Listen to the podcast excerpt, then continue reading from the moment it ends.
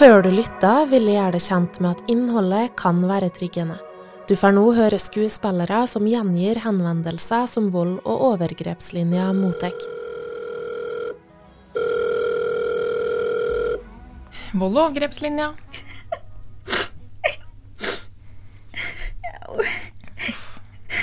Unnskyld. Nei, du trenger ikke å unnskylde. Dette går bra. Jeg er her for å hjelpe deg, og vi har ikke dårlig tid. Vi tar det her i ditt tempo. Takk. Uff. Prøv å puste med magen. Klarer du det?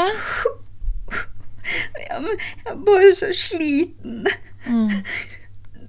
Noen dager er så vonde, da bare kommer alt tilbake. Jeg, jeg skjønner ikke hvorfor jeg fortsatt må ha det sånn som det er. Det som skjedde, er så lenge siden jeg var barn. Åh, ja, jeg hører at du er sliten. Tror du at det er noe spesielt som har gjort at dagen i dag er ekstra vond? Nei. Eller jo. Jeg sov veldig dårlig i natt. Jeg hadde mareritt igjen. Jeg, jeg har lenge hatt det ganske fint. Eller jeg, jeg har klart meg greit. Så, så er det som at det vonde og fæle må presse seg på for tiden. Jeg, jeg blir kvalm av å tenke på det. Jeg orker egentlig ikke tenke på det. Jeg, jeg skulle ønske jeg bare kunne glemme det. Jeg trenger bare litt hjelp til å sortere i dette kaoset. Ja. Det høres ut som en skikkelig slitsom og vond dag for deg. Når man har opplevd vonde ting i livet, så er det helt naturlig at kroppen reagerer. Og da er det jo så bra at du har ringt hit. Det kan føles godt å få litt hjelp til å sortere tanker og følelser som presser seg på. Og sånn er det noen ganger, og det er helt greit.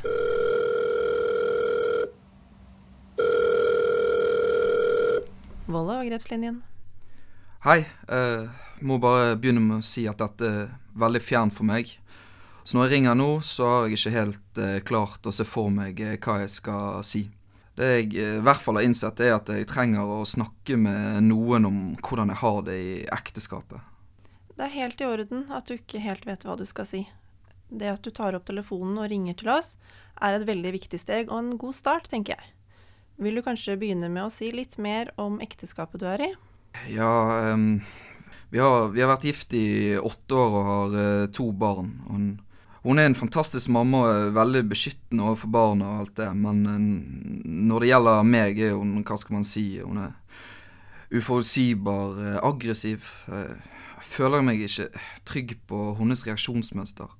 Hun kan plutselig slenge ting veggimellom, og hun snakker dritt om meg foran venner og familie.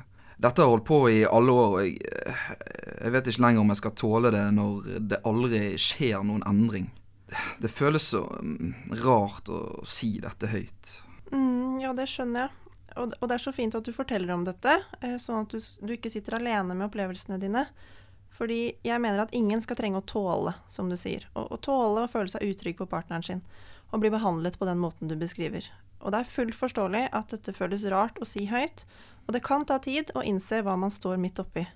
Men heldigvis så finnes det støtte og veiledning som kan bistå deg på veien. Og jeg hjelper deg gjerne med det. Det er akkurat det du, du sier der. Jeg har ikke klart å innse at jeg ikke nødvendigvis må tåle forholdet vårt. Og jeg har eh, lov til å reagere på hennes oppførsel. Jeg, eh, jeg opplever at hun liksom pålegger meg et eh, ansvar for å bli i ekteskapet fordi vi har barn. Det er liksom min oppgave da, å passe på familien. Jeg tror barna mine og alle rundt meg ville fått det bedre om jeg bare klarte å, å gå.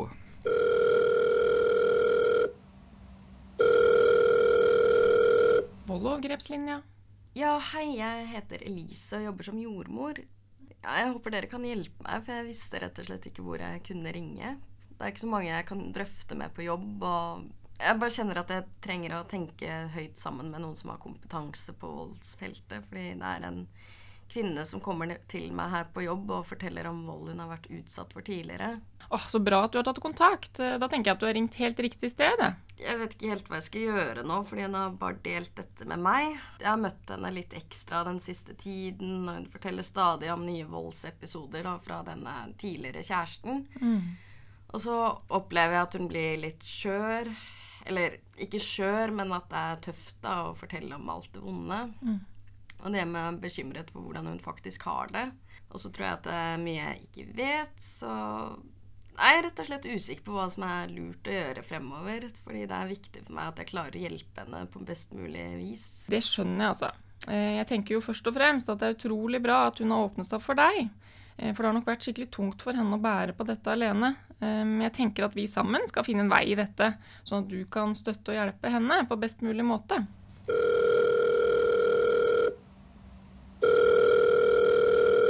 Vold- og overgrepslinjen. Hei, eh, jeg har en god venninne som nylig åpnet seg opp til meg om problemer i forholdet, som hun kaller det. Ut fra hva hun forteller, så blir jeg egentlig veldig bekymret for hvordan kjæresten hennes behandler henne. Jeg føler meg veldig hjelpeløs, da. Jeg har såpass lite innsikt selv i voldelige relasjoner. Kanskje du kan hjelpe meg litt eh, her? Mm, selvfølgelig kan jeg det. Og jeg er så glad for at du har tatt kontakt med oss, for det er så forståelig at du føler deg hjelpeløs, og at du føler deg bekymra. Og så er det så fint at hun har en god venninne som deg, som både søker informasjon, og som bryr seg. For jeg tenker at den støtten, det er det aller viktigste du kan gjøre for henne.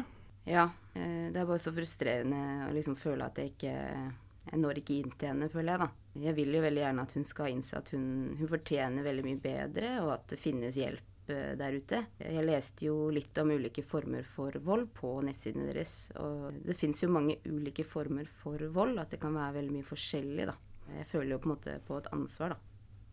Ja, og det skjønner jeg veldig godt. Eh, Og i, og i sånne tilfeller så ønsker man jo så gjerne å motivere de man er glad i, til å oppsøke hjelp. Og samtidig så er det jo slik at venninnen din også selv må være klar for å motta hjelp. Og den prosessen kan jo ta tid, men det at dere har satt i gang en dialog på det, syns jeg er utrolig bra. Så er det jo helt supert at du har lest på hjemmesiden vår. Kanskje dere to kan sette dere ned sammen og lese? Kan det være et fint sted å starte, tror du? Vold- og overgrepslinja er ei hjelpelinje for de som opplever vold eller overgrep i nære relasjoner. Du kan ringe når som helst, døgnet rundt. De vil lytte til dine utfordringer, kan svare på spørsmål, gi råd og veiledning. Du kan være helt anonym, og tjenesten er gratis. VO-linja har òg en chat. Her kan du skrive inn anonymt og lydløst. Chatten er åpen mandag til fredag fra klokka ni på morgenen til åtte på kvelden. Du kan ringe inn eller skrive uansett hvor du bor i Norge. Deres oppgave er å lytte og gi støtte. De støtter deg slik at du kan ta valg som er riktig for det. Vold kan ha store konsekvenser, enten det er et enkelttilfelle av vold eller gjentagende tilfelle. De vil hjelpe deg uansett omfang. Dersom du ønsker det, kan de òg informere om ulike hjelpetilbud der du bor. De kan f.eks. gi deg informasjon om ditt lokale krisesenter, overgrepsmottak eller senter for seksuelle overgrep. De har oversikt over hva de ulike hjelpetiltakene tilbyr av tjenester. Er du pårørende til en voldsutsatt, kan du òg ta kontakt med VO-linja, enten du er nabo, venn, kollega, familie eller annet. Møter du voldsutsatte på din arbeidsplass, da kan du òg ringe eller skrive til VO-linja for å få råd og veiledning. Nå skal du få høre mer om VO-linja i samtale med Julie Håtuft, som er prosjektleder i vold- og overgrepslinja. Eh, Jeg heter Julie og er prosjektleder for vold- og overgrepslinjen, eller VO-linjen som vi kaller det. Hva er VO-linja? Det er en hjelpelinje for de som blir utsatt for vold i nærrelasjoner. Så er det også en hjelpelinje for pårørende, dvs. Si familie, venner, kollegaer, naboer til noen som blir utsatt for vold. Og så er det også en hjelpelinje for fagpersoner. Det kan være at de jobber som jordmor, at de jobber som lærer eller barnehagelærer og kommer i kontakt med noen som er utsatt for vold og har behov for råd og veiledning. Så vi har både en telefontjeneste, den er døgnåpen og anonym. Og så har vi en chat og er også helt anonym. Hvem kan benytte seg av VO-linja sine tilbud? Det er eh, for så vidt alle. alle som utsettes for vold i nære relasjoner. Og vi kontaktes eh, av alt fra eh, elever på videregående skole til pensjonister som utsettes for vold. Så kontaktes vi også fra pårørende. Foreldre som trenger hjelp i møte med et barn som utsettes for vold, f.eks. Venner som trenger råd. Kollegaer som også trenger råd. Og fagpersoner, da. Så det er eh, veldig mange forskjellige problematikker folk ringer inn for. Det kan både være at man har behov for å fortelle om noe for første gang. At man ønsker å liksom åpne seg opp og fortelle om det man har opplevd. Det kan være at man eh, trenger hjelp til å komme seg gjennom natten. At man trenger, eh, trenger hjelp til å forstå hvor alvorlig den volden man utsettes for, faktisk er.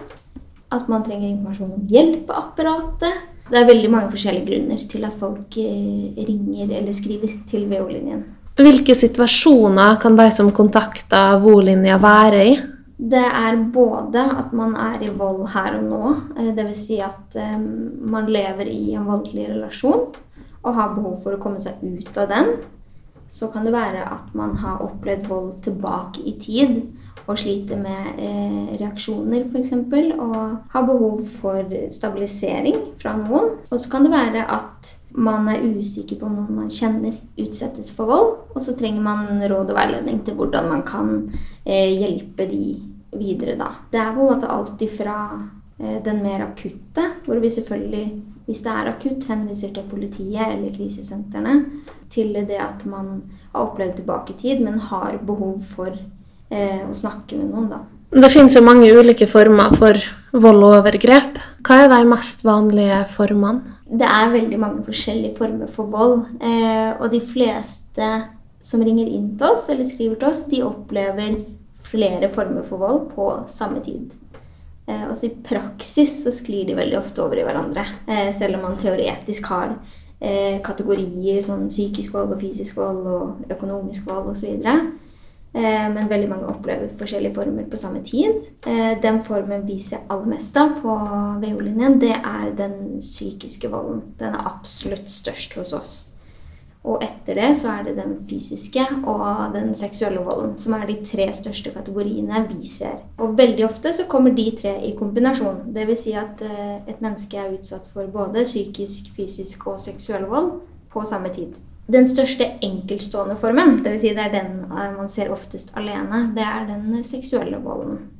Eh, men det er jo på VO-linja. Så kan det jo være annerledes hos andre hjelpeapparat eller andre instanser.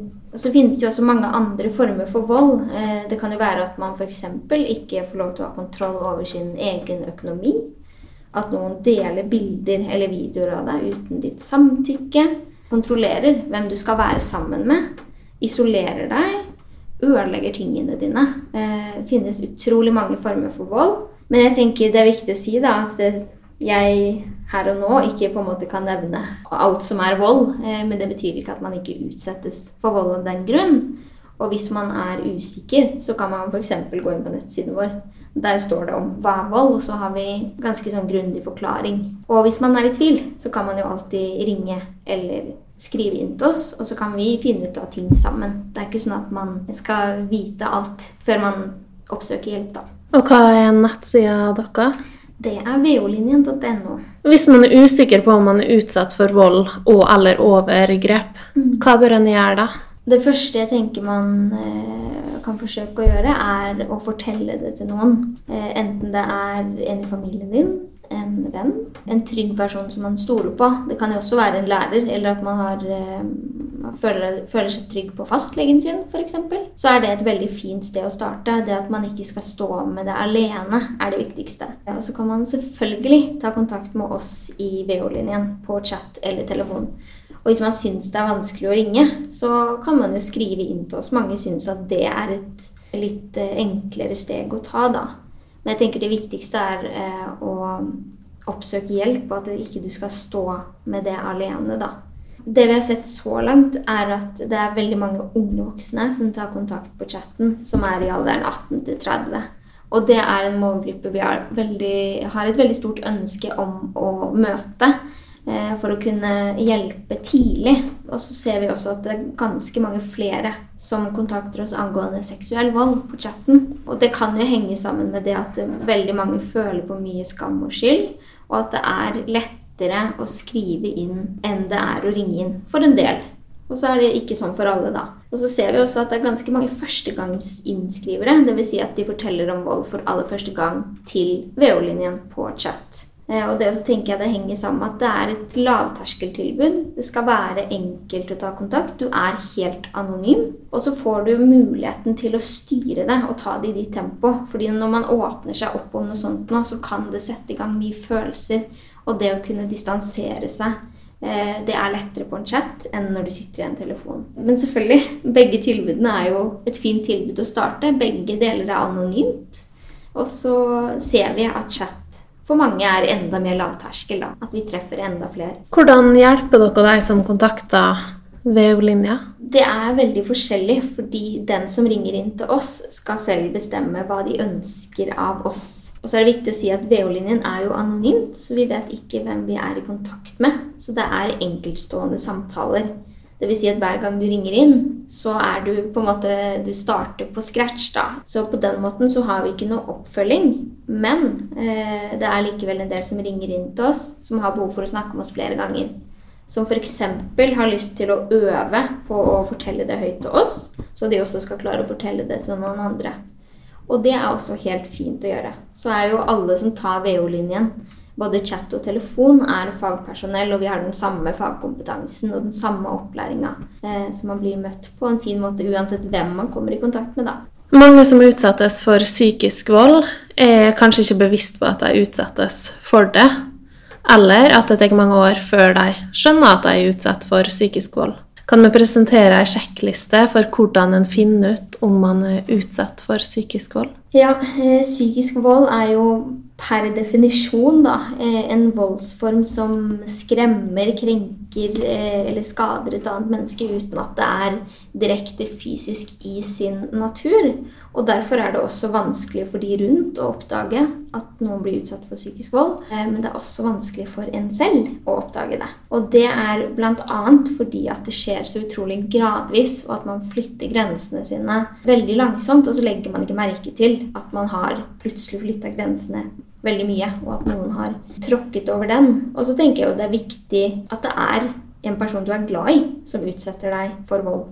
Og da er man også tilbøyelig eh, for å flytte grensene sine og prøve å rasjonalisere det som blir gjort eller sagt mot deg. Så jeg skulle jo gjerne hatt en sjekkliste på, på dette med psykisk vold. Det, er, det finnes jo noen der eh, på internettet som det finnes mange tegn man kan se etter, men jeg tenker det viktigste man kan si, er jo at hvis du er usikker, hvis du i det hele tatt er usikker, så ta kontakt. Og så kan man finne ut av det sammen med et hjelpeapparat. En fagperson kan hjelpe deg på veien. Mange som utsettes for vold og overgrep, normaliserer det ofte eller legger skylda og ansvaret for at det skjedde, over på seg sjøl.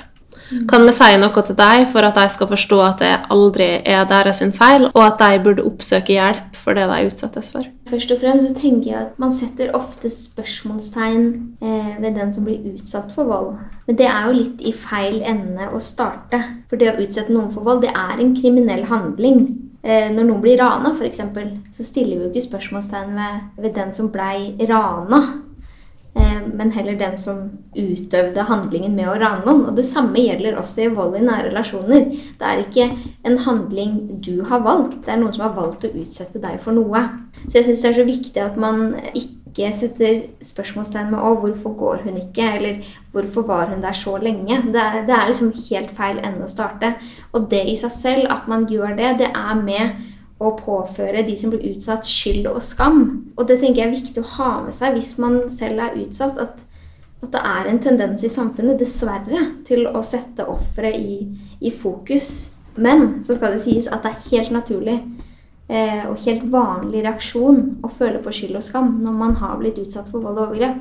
Og man skal heller ikke føle på skyld og skam fordi man føler på skyld og skam. Det er helt vanlig, og det er lov.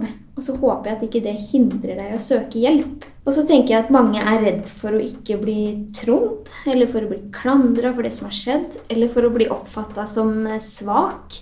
Men hvis vi tenker tilbake, så tror jeg de aller fleste kjenner noen som har blitt utsatt. Og hvis man tenker på de, så tror jeg ikke man oppfatter de som svake. Svaret på det er liksom alltid nei. Så det er viktig å ta med seg det også, at, at det å føle på skyld og skam, det er utrolig vanlig, og det er helt ok.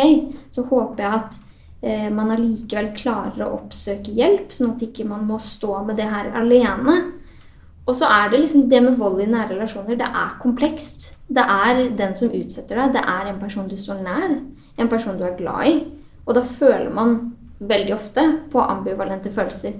Man er kanskje glad i personen, samtidig som at det er vondt at den personen utsetter deg for vold. Og da har man kanskje blandede følelser ut ifra vil jeg gå, vil jeg ikke gå? Og det er helt greit. Jeg tenker at eh, det du føler på, det er vanlige reaksjoner, og det er helt ok. Så håper jeg at likevel man har lyst til å oppsøke hjelp. Og så vi som sitter på andre enden av BH-linjen, er klar over dette og har lyst til å hjelpe deg.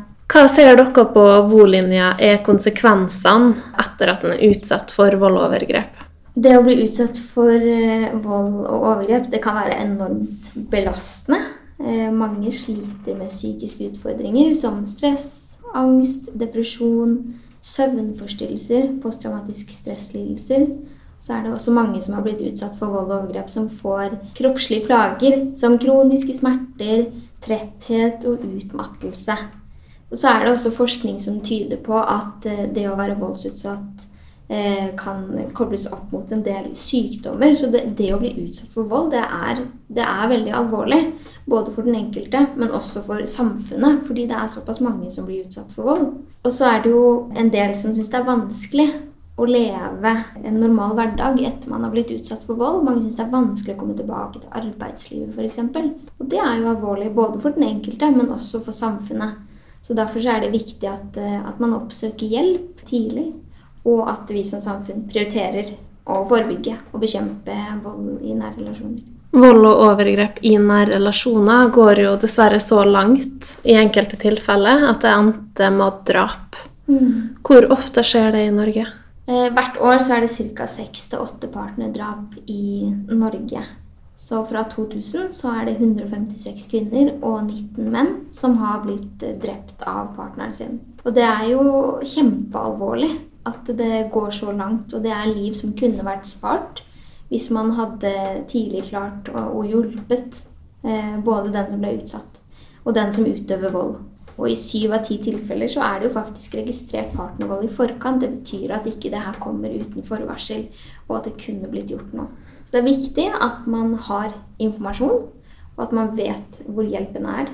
Og at man vet hva man skal se etter som nabo eller som venn. Og at man eh, tør å se, da, og tør å spørre hvis man mistenker at noen utsettes for vold. Krisesentersekretariatet og LDO, som da står for Likestillings- og diskrimineringsombudet, de har årlig en kampanje som heter Taushet tar liv, som ønsker å informere om hva som er vold, og hvordan man skal varsle, og hvilket hjelpeapparat eller hva slags hjelp som finnes. I 2020 så var det jo et ganske spesielt år for mange med korona. Og da hadde vi en kampanje som het Naboplikt. Og den kampanjen satt nettopp fokus på at vi som naboer eh, må tørre å bry oss. Og tørre å være den brysomme naboen da, som tar kontakt med naboene hvis man mistenker at noen blir utsatt for vold. Så på Taushet tar liv sine nettsider, som da er taushettarliv.no, så fins det fortsatt plakater som man kan henge opp i nabolaget sitt, eh, i borettslaget sitt, som informerer om vold i nære relasjoner. Og jeg tenker det er en veldig fin måte å skape noe oppmerksomhet rundt temaet på. Og spesielt i korona, hvor man fortsatt er relativt mye hjemme og isolert, så er det en veldig fin måte å spre informasjon. Så hvis noen har lyst til å bidra, så er det bare å gå inn på taushetaliv.no. Du jobber nå med det her daglig gjennom Volinja. Hvordan oppleves det for deg å høre historien til utsatte og pårørende? Jobben vår er jo først og fremst å tåle, tåle å høre. Eh, og det gjør vi jo. Vi er alle som besvarer VO-linjen, er fagpersoner med kompetanse på vold. Men når det er sagt, så er det jo selvfølgelig vondt å høre at noen blir utsatt for vold. Men vi har fine kollegaer rundt oss, og så har vi veiledning til oss som hjelpere. Det at vi får muligheten til å hjelpe noen, det er kjempemotiverende. Og det i seg selv, det gir, det gir, jobben veldig mening, da. Vi mener jo at alle fortjener et liv uten vold, så det er drivkraften vår i, i arbeidet. Hva tenker du er viktig for at en kan forebygge vold og overgrep i nære relasjoner? VO-linjen hjelper jo mennesker som har blitt utsatt for vold, og er jo en del av et mye større norskt apparat som hjelper både de som utøver og de som utsetter noen for vold. Så jeg tenker at det er viktig først og fremst at vold har gått fra å være et privat anliggende til å bli et offentlig ansvar. Eh, offentlig ansvar å forebygge, offentlig ansvar å bekjempe og avdekke vold i nære relasjoner. Eh, og det er takket være krisesenterbevegelsen. Så det har vært et veldig viktig steg mot å forebygge og bekjempe vold i nære relasjoner. Men så er det også viktig at samfunnet, og da mener jeg både oss, men også politikere og regjeringen, er gode for forbilder og prioriterer eh, vold i nære relasjoner. Og det vil da si å gi bevilgninger til organisasjoner som jobber med dette. Sånn at man får beholde alle de gode tiltakene som finnes til både de som utsetter og utøver vold. Og så tenker jeg det er viktig at man snakker om vold. At man har informasjon og kunnskap om hva det er, og hvilken tegn man skal se etter. Allerede fra man er liten av og lærer om grensesetting. Og at det er eh, noe man kan snakke om, da. Hva ønsker dere å si til de som lenge har vurdert å ta kontakt med Volinja, men som fortsatt ikke har gjort det? Vi som sitter på andre siden av både telefonlinjen og chattelinjen, vi ønsker så veldig gjerne å hjelpe deg. Og så er det ikke sånn at man må ha funnet ut av alt når man tar kontakt med oss. Det er helt greit at man ikke vet helt hva man ønsker når man ringer. Og det kan vi finne ut av sammen. Men det viktigste er å ta det første skrittet og ringe. Og så kan jeg garantere at når man først har turt å snakke med noen om det, så føles det mye bedre. Så vil jeg bare minne på at man kan være helt anonym når man ringer og chatter med oss. Og så tar vi det i ditt tempo. VO-linjas telefonnummer er 116 006. Du kan òg chatte anonymt på volinja.no. Tusen takk til Stiftelsen DAM og Rådet for psykisk helse for muligheten til å realisere denne podkasten.